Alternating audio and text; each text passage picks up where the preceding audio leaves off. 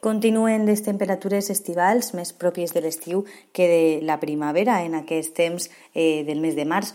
Les màximes d'ahir van arribar fins i tot a sobrepassar en alguns municipis de la comarca del Vinalopó mitjà els 28 graus. Avui el dia s'ha presentat molt similar, encara que les màximes han baixat un o dos graus i han arribat als 27 o 26 en, en diversos punts de, de la comarca, com ara Monover o el Pinós.